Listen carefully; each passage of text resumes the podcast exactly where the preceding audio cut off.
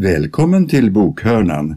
Örjan Bäckryd läser ur Olof Edsingers bok Ett liv i den heliges närhet, avdelning 4. Hör Israel, Herren vår Gud, Herren är en, och du ska älska Herren din Gud av hela ditt hjärta och av hela din själ och av all din kraft. En direkt konsekvens av denna bekännelse är att Israel kom att hamna på kollisionskurs med de religiösa och politiska system som på den tiden praktiserades i Mellanöstern. Inte minst i Israels lovsånger märker vi detta.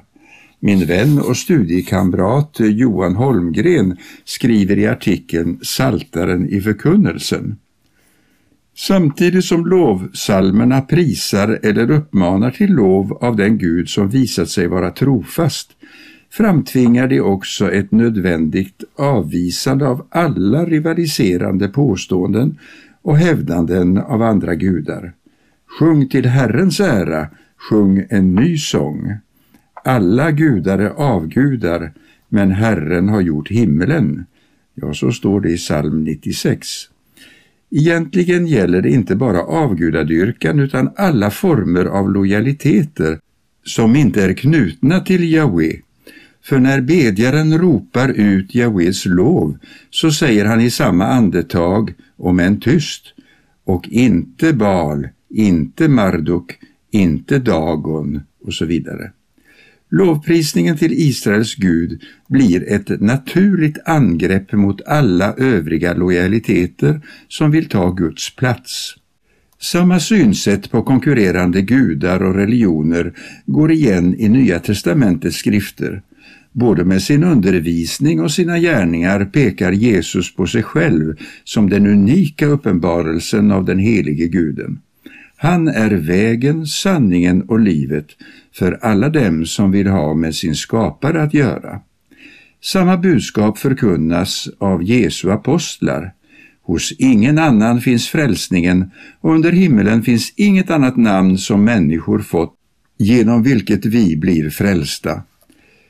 Även om detta är en grundläggande del av Bibelns budskap tycks det i vår tid vara svårt för oss människor att ta till oss. Orsakerna till detta är flera. På ett idémässigt eller filosofiskt plan kan man hänvisa till det så kallat postmoderna tänkesätt som har kommit att bre ut sig över västvärlden.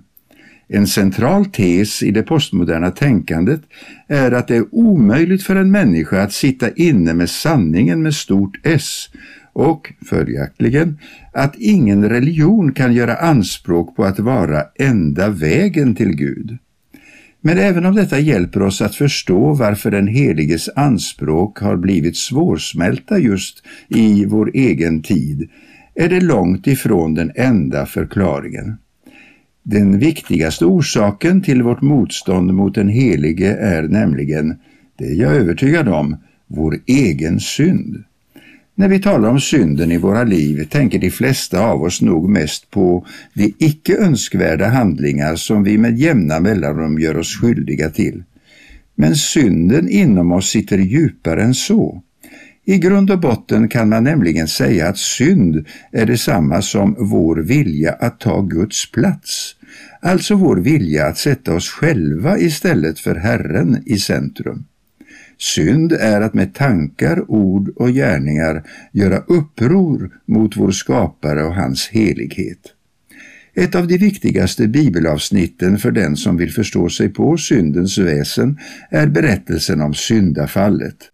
En av nycklarna till denna berättelse står att finna i det som är ormens fråga till Eva. Har Gud verkligen sagt? Till den syndiga människans karaktärsdrag hör nämligen att vi på en mängd olika områden har börjat ifrågasätta vår egen skapare. Med tankar, ord och gärningar försöker vi leva som om det vore vi själva, inte Gud, som vet bäst i fråga om rätt och fel, ont och gott samt i fråga om hur tillvaron är beskaffad.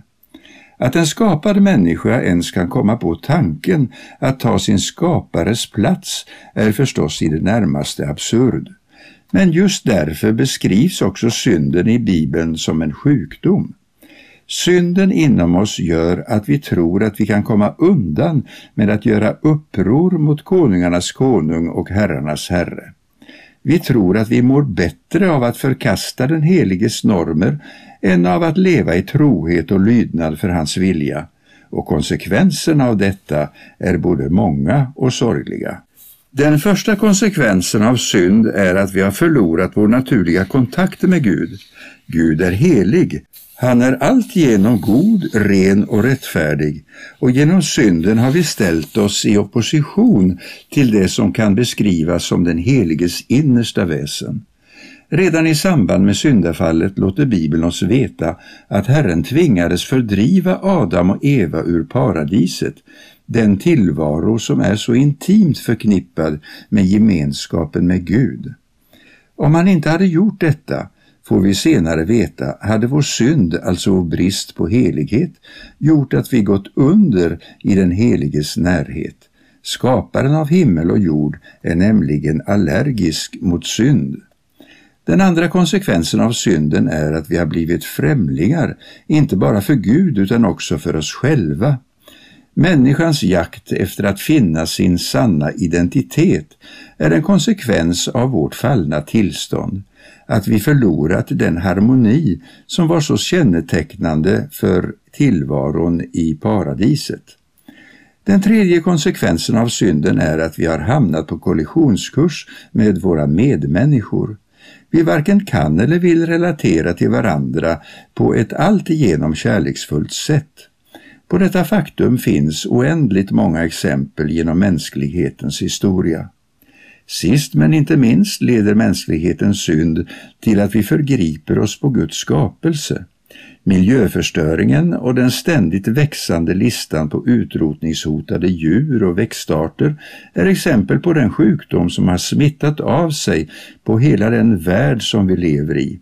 Den värld som vi egentligen skulle ta hand om med den vishet som kommer från skaparen själv. Ett av Bibelns många uttryck för den här världens trasighet är att den har blivit oren. För en nutida bibelläsare kanske detta väcker andra associationer än vad som ursprungligen var tänkt, till exempel i hygien och moral. Men när Gamla testamentets författare talar om orenhet syftar de faktiskt i första hand på en annan aspekt av tillvaron. De syftar på den normupplösning och sammanblandning av sådant som borde förbli åtskilt som har kommit att prägla den fallna skapelsen. Redan tidigare har vi sett att Guds helighet innebär att han är fullkomlig och hel. En direkt konsekvens av detta är att Herren är den norm för vilken allt annat måste dömas och bedömas. Graden av fullkomlighet i den här världen skulle man kunna säga kan bedömas efter hur väl man lever upp till sitt ursprungliga syfte. Denna sida hos Herren kommer på ett fascinerande sätt fram i den bibliska skildringen av skapelsen. I Första Moseboken kan vi läsa om hur Gud inleder skapelseakten genom att skapa ljuset och skilja detta från mörkret. Därefter skiljer han jorden från himlen och vattnet från det torra. Han skapar växter och djur efter sina slag och han skapar solen, månen och stjärnorna för att märka ut tider, dagar och år. Som kronan på verket skapar han mannen och kvinnan till sin avbild och genom att instifta äktenskapet drar han upp riktlinjerna för hur vi människor skall reglera vår samlevnad. Genom hela Guds ord framstår vår skapare sedan som ordningens Gud. Den helige står som motkraft till kaos och han uppehåller världen med sina lagar. Som han säger till Noa efter syndafloden, så länge jorden består ska sådd och skörd, köld och värme, sommar och vinter, dag och natt aldrig upphöra. Dessa och andra ordningar i Guds skapelse trasar dock den syndiga människan sönder. Som fallna varelser är vi experter på att riva ned det som Gud har byggt upp, att göra krokigt det som Gud har skapat rakt. När vi vänder vår skapare ryggen lägger vi grunden för ett samhälle som vi själva mår dåligt av. ett samhälle där den högstes normer blir ifrågasatta eller helt ignoreras. I det gamla Israel fanns en typ av lagar som på ett särskilt sätt hade till uppgift att ta itu med denna aspekt av synden, lagarna om rent och orent. I tredje Moseboken räknas en mängd olika saker och fenomen upp vars gemensamma nämnare är att de får epitetet oren. Till exempel får vi veta att man fick denna diagnos om man blev drabbad av vissa typer av sjukdomar eller om man vidrörde en död. Utförliga listor finns även på djur som var orena och som därmed var förbjudna för en israelit att äta. När man i forskarvärlden har ställt sig frågan vad det är som förenar dessa vitt skilda fenomen har man kommit fram till att diagnosen oren måste vara förknippad med en avvikelse från det normala. Sjukdom till exempel står i kontrast till en hel och sund kropp. Död står i kontrast till liv Orena djur bär på egenskaper eller livsmönster som står i kontrast till vad som i övrigt är att betrakta som normalt eller vanligt. Samma tänkande går igen i de lagar som i Gamla testamentet reglerar sexualiteten. Med utgångspunkt i den skapelsegivna normen kan vi läsa att sexuella relationer mellan en man och en nära släkting, mellan två män eller mellan en människa och ett djur är att betrakta som orena. Samma princip gäller i fråga om människans boskap. Du skall inte låta två slags djur av din boskap para sig med varandra. Ett detaljstudium av dessa lagar visar helt klart på saker som vi idag kan uppleva som märkliga. Men trots detta tror jag att det finns något som vi kan lära oss också av lagarna som rent och orent. Inte så att vi ska börja tillämpa dem som om de vore bindande även för kristna. De flesta av dem har helt klart haft sin tid. Men deras budskap är ändå att det finns ordningar i skapelsen som vi mår dåligt av att inte ta på allvar. Annorlunda uttryckt, det finns ordningar i tillvaron som är heliga och när vi gör uppror mot dessa förs vi längre och längre bort från den Gud som har skapat oss. Mänsklighetens uppror mot den helige och hans normer lämnar ingen människa oberörd. För även om vi är omedvetna om sambandet mellan tillvarons trasighet och vår ovilja att ta Gud på allvar kommer vi snart att börja söka efter det vi förlorat på annat håll. När vi vänder vår skapare ryggen börjar vi helt enkelt att attraheras av de andra rätterna på det andliga smörgåsbordet. Vi försöker tillfredsställa våra behov genom andra gudar eller så söker vi meningen med vårt liv i sådant som visserligen kan vara gott i sig men som inte var skapat för detta syfte. Det är här som det på nytt kan vara läge att börja tala om orenhet. När exempelvis de onda andarna beskrivs som orena i Bibeln är det just dessa makters vilja att ta den heliges plats som åsyftas. De orena andarna försöker helt enkelt tillskansa sig ett inflytande som de egentligen inte har rätt till. De underordnar sig inte de lagar som är nedlagda i Guds skapelse, där ett fundament är att den ende som är värd vår tillbedjad är skaparen av himmel och jord. Helt följdriktigt gör Bibelns författare klart att vi ska undvika alla former av umgänge med de orena andarna.